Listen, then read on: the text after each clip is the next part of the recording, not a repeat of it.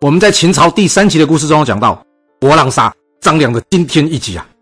虽然历史上都说张良是请了个大力士来勾出这个铁锥，行刺秦始皇，不过这事怎么想都怪怪的，因为这个比现代奥运场上的链球或是铅球还要重三倍的铁锥，这个人是如何能远距离投掷，而且还能精准的命中目标的？